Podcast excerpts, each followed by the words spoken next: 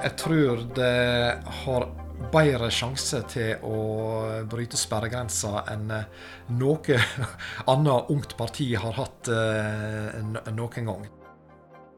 De er mot vindkraft, mot Parisavtalen og for økt satsing på olje og gass.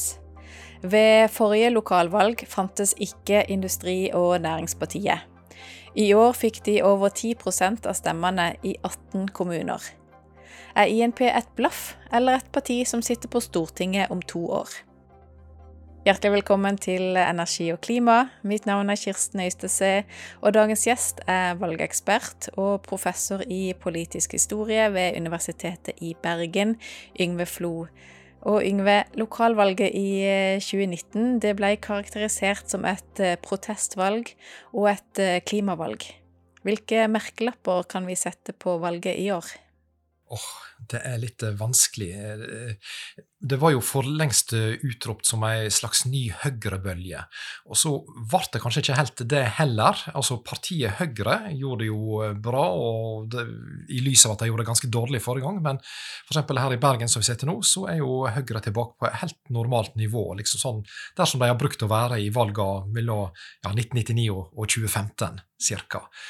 Eh, her i Bergen har vi opplevd ei, ei fragmentering, og det ser en jo flere andre plasser òg. At det er flere, flere partier som kommer inn i kommunestyret med, med, små grupper. Så det er ikke alltid så oversiktlig landskap. Og så er det jo òg veldig tydelig at, at, Høyre, at Arbeiderpartiet og Senterpartiet har gjort et dårligere valg. Eh, for Senterpartiet så er de, de egentlig tilbake på et normalnivå, de òg, etter et veldig godt valg eh, for fire år siden. Så, så, vi kan si at både for Senterpartiet og for Høyre har det skjedd en slags normalisering. Og så er det jo da Arbeiderpartiet som har gjort et historisk dårlig kommunevalg, som er ja, det vi legger mest merke til. Kan du forklare hvorfor disse trendene er som de er, altså at Senterpartiet og Høyre er tilbake til normale, mens Arbeiderpartiet faller markant? Når det gjelder Arbeiderpartiet spesielt, så er det jo tydelig at eh, det er en slags regjeringsslitasje. Det var jo veldig eh, påfallende hvis vi går eh, to år tilbake i tid, da regjeringa Støre ble etablert. så uh, sank den i popularitet utrolig kort tid etter at den gikk på. Det viser jo tall fra dette her medborgerpanelet. at den, eh, Vi vet jo at de fleste regjeringer de tar med seg litt sånn her eh, popularitet straks de er etablert og de har noen sånne kveitebrødsdager da de Jo, nå er det nye koster, og nå, nå ser, vi, ser, vi, nye takter. Regjeringa Støre opplevde ikke dette her. De fikk det på en måte motgangen i trynet med en, en eneste gang. og Det vi kan jo si, kanskje, er jo at, det, at på et tidspunkt så enda verre ut for de to partiene. Og eh, spesielt Senterpartiet får jo si seg rimelig fornøyd tross alt med, med utfallet eh, av, av, dette her eh, lokalvalget. Og så sa du at det er en fragmentering, vi ser det her i Bergen og også andre steder. Hva, hva skyldes det? Vel, i, i, det har litt uh, ulike forklaringer. og kan si at Denne fragmenteringa den er jo ikke allmenn. Der er jo noen kommuner, altså Kommune-Norge er jo veldig ulikt, og vi har jo kommuner der uh, trøbbelet er at det er for lite fragmentering, kan vi nærmest si. I en kommune som Årdal så uh, hadde de bare Arbeiderpartiet og Høyre å velge mellom. og Det er forholdsvis mange kommuner i, i, Norge der det bare er to partier å velge mellom. Så, så, i den forstand er det, det er et, et problem. Uh, Så har vi f.eks. Kristiansand, som på en måte er blitt mindre fragmentert nå etter dette valget, men det er jo liksom et produkt av av valgresultatet, da, at det kanskje er da på en måte mulighet til å etablere et styringsflertall, noe som var veldig vanskelig for, for fire år siden. Men Bergen, altså jeg er nok farga av at jeg sitter her i Bergen. Det er jo her vi kanskje først og fremst har opplevd denne her eh, fragmenteringa. Og dette her ordet kaosvalg, det har jo vært da ja, det var jo egentlig tatt i bruk ganske lang tid før valgresultatet var klart, når en så hva vei meningsmålingene bar. Og, og, det er vel ingenting med utfallet som gjør det mindre uoversiktlig enn det, enn det en gang var. Her er kommet inn uh, nye parti. Uh, det er jo denne her Bergenslisten, som er jo helt særmerkt her. Industri- og Næringspartiet uh, ligger inne. med, og begge de med gruppe på tre til fire representanter. Eh, og dette her gjør det jo vanskelig å etablere et flertall, og det er spesielt eh, problematisk i Bergen. fordi at eh, i likskap med Oslo så har Bergen da en parlamentarisk modell. Og, og innenfor parlamentariske modeller så har en iallfall i utgangspunktet et ønske om å bygge noen stabile flertall som kan, kan være basis for en stabil byrådsmakt, eller byregjeringsmakt, om en vil. Mm. Vi må snakke om Industri- og Næringspartiet, og det er vi opptatt av også når det kommer inn et parti med en helt annen energi- og klimapolitikk enn det som er eh, de, de, etablerte mm. partiene har. Eh, og dette er et parti som ikke var her i 2019 mm. i forrige lokalvalg. Det ble etablert i 2020. Mm. Nå ser vi det kommer inn med ca. 3% nasjonalt i snitt.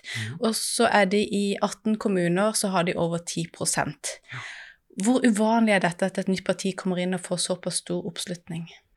Det er ikke uvanlig at eh, det kommer nye parti, det skjer stadig vekk. Men eh, det uvanlige med Industri- og Næringspartiet er nettopp det du antyder her, at de, de finnes så mange plasser.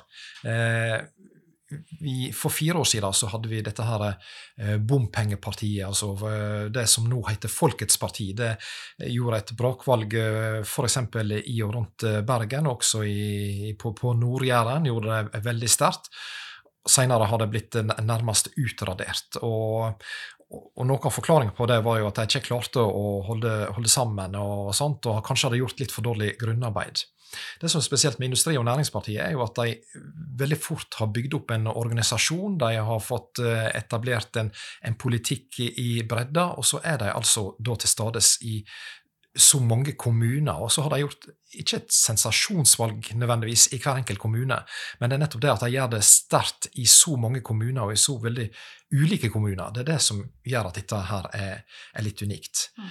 Uh, ser vi på uh, de øvrige rikspartiene våre, og så har de jo brukt tid for, på å bygge seg opp. og Når det gjelder da f.eks. Miljøpartiet, så ble jo det etablert uh, vel helt tilbake i 1988, om jeg ikke husker feil. og så og så er det jo egentlig først nå i det foregående tiåret at det virkelig har begynt å vise igjen og fått gjennomslag på nasjonalt plan, og virkelig begynt å gjøre det sterkt i, i lokalpolitikken. Så vi kan si at, at der de brukte tiår på å etablere seg, så har jo dette her skjedd på noen måneder for Industri- og Næringspartiet. Mm.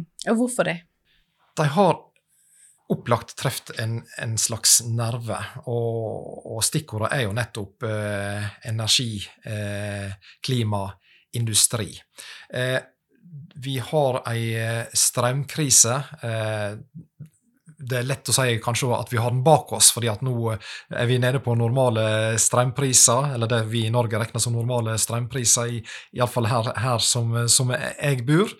Eh, men like fullt så var det et folkelig opprør i, i fjor der det var veldig stor oppslutning om tanken om at et eller annet er pill råttent i hele måten vi tenker eh, kraftpolitikk, energipolitikk, eh, miljøpolitikk, klimapolitikk her i landet. Vi er blitt eh, shanghaia av noen idealister uten, uten vitenskapelig grunnlag som da sier at vi må leve sånn og sånn og sånn, og sånn, og så tenker ikke de på verdiskaping. Og vi ser hvordan verdiene faktisk blir skapt, og de blir skapt gjennom olje og, og, olje og gass. og det, og klassisk industri. Og nå er det på tide at vi finner tilbake litt til den, eh, til den gamle tenkinga. Vi må slutte med dette her moderne tullet. Dette her, dette her eh, er noe som da eh, vekker entusiasme ute blant mange. Det er mange som har engasjert seg i dette her, som aldri har vært inne i politikken tidligere. Og så er det da Ja, nå endelig er det noen som kommer her og sier det som vi faktisk tenker. Så de har jo hatt ja, små problemer med å få liste. Folk strømmer til å melde seg inn i disse partiene her. Og her ligger jo opplagt eh, også en protest, en mer sånn allmenn protest mot det politiske systemet og de etablerte politikerne. Og sånn ser jo òg dette her eh, partiet seg inn, at ja, se her, de andre partiene, hvem er det som er det som styrer? Det er bare masse ungdommer som kommer rett fra, fra universitetet, de har ikke vært ute i det virkelige yrkeslivet, eller de bare jobber i partiorganisasjoner. og så driver de og tar eh, avgjørelser til millioner og milliarder, og ting som de ikke har noe peiling på. Vi i Industri- og Næringspartiet vi skal ha folk som kan noe, folk som har vært ute i det virkelige liv, ute i, i, i, arbeidslivet. Derfor stiller vi krav om at alle som skal være folkevalgt for oss, skal være minst fem år ute i yrkeslivet for å kunne, kunne gjøre tjeneste for oss. Altså Dette her er jo òg en budskap som jeg tror går inn, som sier noe om at ok, vi er et alternativ til det eksisterende. Men eh, er det strømkriser som var avgjørende for at de, de, kom opp på det nivået som de gjorde, eller er det andre strømninger også som har vært med på å bygge opp den støtten som de har fått? Også før denne, dette vi kaller for strømkrisa, så eh, merker vi tydelig disse eh, tendensene. Altså de som da er grunnleggende skeptisk til uh, grunnlaget for norsk klimapolitikk. Altså dette her, nei, den er ikke vitenskapelig. Eh, klima endrer seg alltid, det er naturlige svingninger. Nå må vi forstå dette her, eller så er det bare symbolpolitikk. Altså dette her så, så vi før. Det har eh, og det tror jeg er litt viktig. Det har skapt en splid i det vi kan kalle eh, miljøvernrørsla. Altså det er blitt et eh, et skille mellom det kan, kan si, det klassiske naturvernet og eh, klimapolitikken, og først og fremst representert med, med vindmøllene. Da. Altså eh, forestillinga om at uh, her kommer de og sier de skal redde naturen, men så gjør de det med å ødelegge naturen ved å få opp disse her vindmøllene som både ødelegger da, eh, ja, det, det, det, visuelle, men også andre naturverdier, fugleliv osv. Så, videre. så dette her viser hvor, hvor langt de er, er, villige til å gå. Så Det tror jeg er òg en viktig forklaring. Altså, det er reell splittelse innenfor folk som i utgangspunktet ser på seg sjøl som grønne, opptatt av eh, miljøvern, så, så, er det et eh, dilemma her knyttet til ja, eh, klimatiltak versus klassisk eh, naturvern. Og da gagner det de? Ja, det, det, gjør de. For de kan faktisk være litt på den sida òg. Altså, de er veldig tydelige imot uh, vindmøller. Og da kan vi si, paradoksalt nok for noen, så er det noe, kanskje, kanskje, noen grønne velgere som til og med ser, si, uh, ja, ser, at her er det en mulighet ved å gå til INP, for de er konsekvente i sin motstand mot vindmøller. Mm. Så nevnte du at det er en protest da, mot etablerte partier mm. som også gjør at de får, de får økt oppslutning. Og dette med protestpartier, protestvelgere, protest protestvalg som vi så i forrige lokalvalg. Sett det litt inn i historisk perspektiv. Protest har vi jo hatt før i, i norsk historie. og det, og det første kan vi si ja, ja, Går vi virkelig langt tilbake, kan vi si at Arbeiderpartiet i sin tid var et, var et protestparti òg, og, og, kommunistpartiet for, for, den saks skyld. Men i relativt ny historie så er det jo eh, Anders Langes parti fra 1973, og senere Fremskrittspartiet, som har etablert seg som, som dette her protestpartiet. Og det, det jeg kan si at mange protestparti sliter med, er jo på en måte å kombinere det å nettopp være denne her folkelige rørsla og representere noe nytt og annet, versus det å faktisk eh, være etablert og få eh, faktisk innflytelse. Dette her har vært et dilemma for Frp. De har ville være noe annet enn de andre. Altså Carl I. Hagen sa i 1980-åra at eh, det er vi på den ene siden, og det er alle de andre partiene på den andre siden. De var annerledes enn de andre. De hadde andre politikere enn alle de andre. Folk som, mennesketyper som, som egentlig ikke så på seg sjøl som politikere, kunne uh, faktisk da drive politisk virksomhet innenfor rammene av Frp. Så dette her var noe nytt. Og så kan vi si at uh, Frp er jo også blitt et, eh, et, systemparti i mange sine øyne, ikke minst ved at de da har sittet i regjering under Erna Solberg, og til og med hatt en finansminister i en slik regjering. Så må en jo nødvendigvis gå inn og fronte saker og støtte saker som en, en er imot. Og da, er en mindre reine og ranke nødvendigvis enn det som en forventer noen som skal drive med protest. Dermed er det jo åpna for andre protestrørsler, og bompengepartiet hadde vi for eh, fire år siden, og nå tar tar Industri- og Næringspartiet dette her opp i seg. Og så er jo det spennende å se hvor, hvor langt holder dette her. Altså, jeg sa jo før dette valget her eh, at det spennende er jo egentlig ikke hvor, hvor sterkt eh, INP gjør det. fordi at eh, nå var det alle slags lokale målinger tyder jo på at de kom til å gjøre det omtrent så sterkt som de faktisk har gjort det. De ville få et godt gjennomslag og i, i bredda i veldig mange ulike kommuner. Men det virkelig spennende er jo nå hvordan de forvalter denne her makta. fordi vi, vi vet jo ikke hva dette partiet er. Og sjøl de som representerer dette partiet, vet jo ikke hva dette partiet er, før de faktisk har fått være ute og utøvd politikk. Og jeg kan si at ute i norske kommuner og fylkeskommuner gjør de veldig mye forskjellig, men de melder ikke Norge ut av EØS, og de, de sier ikke opp internasjonale klimaavtaler, og de tar ikke helt avgjørende øh, veivalg for norsk eh, ja, kan si, oljepolitikk. Så det, det, er ute i den kommunale hverdagen så er det ja, for kjøkkenløsninger, institusjonskjøkken, hvor skal det, hvor skal det ligge, hvor, eh, hvor skal det bygges sykkelstier, hvor skal det ikke være sykkelstier? Altså, eh, mye sånn her eh, van, vanlig arbeid som eh, ja, kanskje ikke står sentralt i INP sitt arbeid. Og da hvordan agerer da disse her representantene i møte med denne her kommunale hverdagen? Klarer de å holde seg samla? Klarer de å være noe annet enn de andre partiene? Og nå har de på mange måter lovd i utgangspunktet at de skal være noe, stille seg litt på sidelinja. Vi skal bare stemme for eh, den politikken vi sjøl er for. De vil ikke gå inn og eh, avgjøre hvem som skal være ordførere, eventuelt byrådsledere, med mindre de får helt konkrete lovnader om dette. her, Så de skal liksom sånn selge seg dyrt, og, og de andre skal få drive med politikken og de skal og gjøre kompromiss, men de skal bare stå på sitt. Og så Spørsmålet er jo funker dette der, der ute, og hvordan blir dette her oppfatta? Eh, og det er jo ikke sikkert at velgerne syns at de får forferdelig mye igjen for stemmene, hvis nå INP bare skal sitte der ute og demonstrativt eh, la være å gå inn i forhandlinger og diskusjoner med andre for å, å, å gi litt, men også å vinne litt. Men frem mot eh, stortingsvalget om to år, bør de andre partiene frykte dette partiet som har en helt annen energi- og klimapolitikk enn det brede flertallet? Ja, jeg eh, tror jo det at eh, det ligger et, eh, et potensial her. Altså det, det, dette her kan bli fiasko, men det kan òg bli suksess. jeg er jo historiker, så jeg er jo ikke, og ikke spåmann, men, men altså det, det, er jo noe med med dette her breie gjennomslaget som gjør at eh, jeg ser en, eh, en, mulighet her. De kan fange opp en del velgere. altså Nå vet jeg jo, eh, har jeg hørt fra medborgerpanelet som har studert, prøvd å studere INP-velgerne, og de sier at at uh, denne velgeren har veldig mange, mange likskapstrekk med uh, den typiske Frp-velgeren. Så i utgangspunktet kan jeg jo tenke at dette her vil være en konkurrent til uh, Frp, som for øvrig òg gjorde det jo godt ved dette valget her.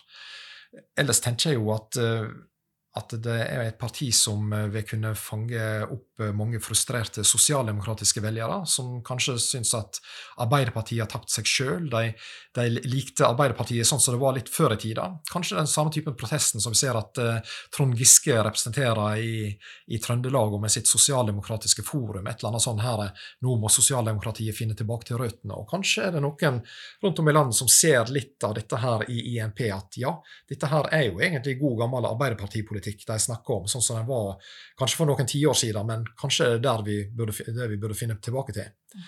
Og så er det jo òg Senterpartiet, med regjeringsslitasje, så er det klart et parti som er imot EØS og, og på en måte like rivende uenig til, i energipolitikken og strømeksport og alt dette her. Det som Senterpartiet egentlig også mener, men, men de har noe frist og protestaktig med seg som Senterpartiet ikke kan representere så lenge de sitter i regjering, i alle fall. Så, så her kan det, kan det jo være flere ja, kjelde til velgere for dette partiet. Og eh, når de nå eh, på en måte får eh, over 3 i en situasjon der de slett ikke stiller i, i, flertallet av De stiller vel ikke engang i halvparten av landets kommuner. Hva da, hvis dette partiet etablerer seg som riksparti, stiller liste i alle landets fylker, det tror jeg eller valgdistrikt, det tror jeg skal gå greit da tror jeg jo faktisk at 4% kan være innen rekkevidde for et sånt parti, hvis de klarer å holde seg samla. Men de har jo flere utfordringer. De må jo òg ha noen som klarer å fronte dette her rikspolitisk. Og nå bygger de seg opp nedenfra, men de må ha en tydelig lederskikkelse etter hvert, som også kan gå inn og ta de store eh, de, eh, diskusjonene på ja, fjernsynsdebattene, annet så er det et parti som er på helt andre sider når det gjelder klimapolitikken. Miljøpartiet De Grønne, MDG. Mm. De går tilbake igjen 2,6 eh, prosentpoeng, var det vel omtrent, mm. Ned til 4,2. Kan vi forstå denne nedgangen til MDG og oppslutningen til INP som en kritikk av norsk klimapolitikk? ja, ja det, det, kan en kanskje. Altså, det er jo det at vi, vi, søker jo kanskje litt sånn motstridende forklaring. For fire år siden kan vi jo f.eks. her i Bergen si at ja, der vokste Miljøpartiet, og så vokste Bompengepartiet. Og da er det nærmest en refleks av hverandre, at de er selvforsterkende. Men den eh, forklaringa kan vi ikke helt ta nå. Her er det jo opplagt et slags eh, det har jo vært et klimavalg, dette her òg, men kanskje mest av alt med motsatt eh, fortegn. At det er klimaskeptikerne sitt, eh, sitt valg. Eh, det er iallfall det som det overflatisk kan tyde på. Og så er det jo spørsmålet er MDG identisk med norsk klimapolitikk, og er på en måte MDGs tilbakegang et tegn på manglende oppslutning om norsk klimapolitikk? Og det er jo ikke helt opplagt at det er sånn det er jo det at uh, klima- og miljøpolitikk det, det, er jo flere partier som har ønskt å være det, det, store partiet på dette uh, området. En gang i tida, i 1970-åra, var det jo Venstre som var, etablerte seg som miljøpartiet. Så fikk de da i andre halvdel av 1980-åra konkurranse fra SV, som ville være det, på en måte, det grønne partiet. og, og de ja, kiva med hverandre om den statusen i i, gjennom 80-åra, og reelt sett også gjennom 90-åra. Det kom jo et uh, miljøparti inn, i Norge òg i, i, slutten av 80-åra, men uh, det, det, var jo på en måte et parti som ikke ble tatt mer uh, helt seriøst. Vi kan kanskje mer se det som en nasjonal avlegger av de grønne partiene ute i, i Europa, men det, det, fikk jo ikke noe ja, svung over seg eh, før godt inn i dette tusenåret her. Det begynte å markere seg eh, lokalt. Eh, og det virkelige gjennombruddet det er jo da ja, det er jo ikke mange år bak oss. Så I lokalpolitikken så var det for fire år siden. Så vi kan jo si at MDG er jo i en viss forstand de har jo vel gjort et veld, veldig godt valg historisk sett, men de har eh, definitivt ikke gjort like godt valg som for, for fire år siden. Og, Det kan jo være at uh, de igjen, som på en måte kom og på et tidspunkt var alternativet for den grønne velgeren, har fått eh, forsterka konkurranse fra andre partier. Kanskje er det folk som mener at nei, det er faktisk klimapolitikk som er det essensielle, men det betyr ikke nødvendigvis at jeg skal stemme på MDG. Kanskje går en til SV, kanskje går en til Venstre, kanskje går en til ja, faktisk eh, de store partiene, Arbeiderpartiet, Høyre. Begge de to vil jo hevde at de er klimaparti. Og, og det som de òg kanskje vil hevde, eller iallfall mellom linjene, at de er klimaparti på en mer realistisk måte. Altså at uh, ja, at alle bidrar, kanskje også MDG sjøl, til å, å, å, brande MDG som et litt sånn her ytterliggående parti i klimapolitikken, som nettopp ved å være, gå litt for langt ikke er tilstrekkelig realistisk. Og at faktisk skal en nå klimamåla, så må en da eh, gjøre det på en måte som er noe mer balansert enn MDG legger opp til. Og følgelig gir det, mer, gir det mer fornuft å stemme på et av de andre partiene, også om en ønsker å løfte klimasaker. Altså Dette her er jo en tese, jeg vet ikke om det er sånn, men eh, det, det, jeg ser iallfall en mulighet for at det kan være slik. Mm. Så, så, MDGs eh, tilbakegang er ikke isolert sett et slags bevis på at folk er mindre interessert i klima og klimapolitikk. Litt tilbake til IMP. for Vi ser halvparten av de kommunene hvor de fikk mer enn 10% oppslutning, de er på, i Vestland fylke. Mm. Eh, dette er Austevoll, Voss, Høyanger, Bremanger, Vaksdal, Tysnes, Bømlo, Samnanger, Kvinnherad. Hva har disse til felles? Ja, eh, det er jo det, det, gode spørsmålet. fordi at eh, den gjerne kunne tenke i utgangspunktet at ja, her er det typisk kommuner der det er mye olje og gass eller ensidig industristader. Men det stemmer jo ikke alltid. Altså, igjen dette her trekløveret. Eh, Austevoll, Vold, Voss, Høyanger. Nei, det er jo ikke noe sånn her opplagt fellesnevnere mellom de kommunene der. Så eh, jeg tror heller at det en skal prøve å forklare den, den nokså sterke oppslutningen her på, på, Vestlandet med, det må jo være at det er et eller annet sånn her motmakt. Eh, eh, kan si en slags sentrum-periferi-dimensjon som blir lagt opp på eh, klima- og miljøpolitikken. Altså forestilling om at vi på Vestlandet Vi er tett på oljenæringa. Vi ser hva den betyr, vi ser hva den bidrar med. Det forstår de seg ikke på, de der borte, de i Oslo. Altså underforstått. Altså, dette her er en sånn historie som eh, mange selger inn, eller som blir fortalt i mange ulike varianter, at, at vi driver på med verdiskaping her i, på hele kysten fra, eh, si, fra, fra Agder og opp til, til, til, Møre. Og her er det på en måte vi, vi, skaper verdiene. Og så sitter de der borte og skal forvalte dette her, og dessuten regulere og si hva vi får lov til og ikke får lov til. Og de er blitt virkelighetsfjerne, men vi ser virkeligheten. Jeg tror det er et slags element ut av den tenkinga der. Så at uh, å stemme INP, så er det også på en måte å markere en protest mot uh, det som litt sånn her uh, ulne konseptet som vi gjerne kaller for Oslo-makta. Og hvem er disse velgerne til INP? Ja, her må jo jeg støtte meg til det forskning som andre har gjort. og Da er det jo igjen denne medborgerundersøkelsen. og Det er altså sånn at det er mye tyder på at det er tydelig, klar overvekt av menn som stemmer på, på INP. Eh, det er folk som eh, da er lite bekymra for klimakrisa. Det er opplagt. Og det er mange som da direkte eller indirekte har med olje- og, og gassnæringa å gjøre. Og, da, og, Når det også inkluderer de som på en måte indirekte er tett på olje- og gassnæringa, så er det jo ganske mange etter hvert. Eh, veldig mange vestlendinger som er nettopp i den situasjonen ved at de har kanskje nær familie, eller at de driver, arbeider i bedrift som leverer et eller annet til, til denne næringa. Så her, her er iallfall eh, grobotn for dette partiet. Vi ser jo i eh, Europa så er det også en høyrebølge i Europa. Det er også en dreining mot en økende skepsis til eh, klimapolitikk. Mm. Er Norge en del av den samme trenden, eller er det andre bølger som, som vi ser her? Jeg tror både ja og nei. altså Jo, det, det, har jo opplagt sammenheng med det som skjer der ute, og den dreininga, eller på, på en måte motreaksjoner mot klimapolitikken som vi ser i ei rekke land. Så, så, er det jo på en måte i sin særnorske tapning. altså eh, det er jo sånn, eh, For det første, INP er det et uttrykk for ei høyredreining. Ja, det er jo veldig vanskelig å si. Jeg kan iallfall ikke si det entydig. fordi at uh, sjøl så sier de at nei, de ligger ikke til til, til, høyre, de ligger heller ikke til venstre, de ligger i, i sentrum av politikken. som de definerer seg. Altså dette her Medborgerpanelet de sier vel at velgerne ligger noe til høyre for midten, men ikke ve veldig langt til høyre for midten. Så de ser seg sjøl som et, et, slags sentrumsparti. Og klart, begynner en å studere partiprogrammet, så ja, i velferdspolitikk og kanskje enkelte verdispørsmål, så har de jo eh, synspunkt som en gjerne kan si at ja, ja, dette kan, kunne like gjerne ha hørt hjemme på, på venstresida.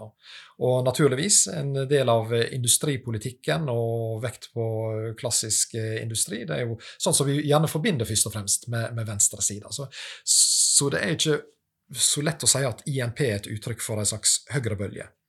Så kan vi si at det er et populistisk eh, uttrykk, som òg blir brukt i europeisk sammenheng. og det er jo naturligvis delvis rett, altså gjennom dette her som er beskrevet om motstanden mot systemet, og de andre de, det er de som er politikere, men vi er folkelige, og vi er her og representerer den sunne fornuften. altså Det er jo en retorikk som opplagt er iallfall delvis eh, populistisk. Samtidig, når en går på heimesidene til INP og ser hvordan de framstiller seg sjøl, så er det jo sånn her jeg får nesten bruke ordet litt sånn kjedelig framtoning til dels. altså sånn her, ja, Snakke om industri og næring i et språk som er litt sånn her halvbyråkratisk. og ja, Det er jo ikke de store, nødvendigvis slagordprega eh, framtoninga på, på, dette partiet. her, så det, De har òg et eller annet sånn her, litt sånn grunnleggende traust med seg, og kan veit hvordan vi oppfatter dette her partiet etter at de nå faktisk har vært ute i kommunestyret og skal ta, ta stilling til til de tusen veivalg som de møter der ute. Kanskje det også på en måte demper inntrykket av at dette her er et populistisk parti. Til slutt, eh, i stortingsvalget i 2025, hvilke sjanser tror du dette partiet har? Jeg tror det har bedre sjanse til å bryte sperregrensa enn eh, noe annet ungt parti har hatt uh, noen gang. De har en, en sjanse som er la oss si, ikke, urealistisk. De har definitivt sjanse på direktemandat i flere valgdistrikt. F.eks. i Hordaland, så i valgdistrikt med ganske mange mandat å fordele. Da, da er terskelen for å ta et av de siste mandatene relativt lav, så det tror jeg definitivt eh, de kan klare. Men eh, det aller mest spennende er jo om de klarer å mobilisere til over 4% Da er det kanskje sånn at de må eh, være sterkere til stades, eh, la oss si f.eks. på Østlandet, enn hva tilfellet er i dag. Tusen takk for praten, Yngve Flo. Sjøl takk. Takk også til du som lytter på. Hvis du ikke allerede abonnerer på Energi og klima, så gjør gjerne det. Da kommer neste episode automatisk opp i spilleren. Vi er tilbake neste uke. Takk for i dag.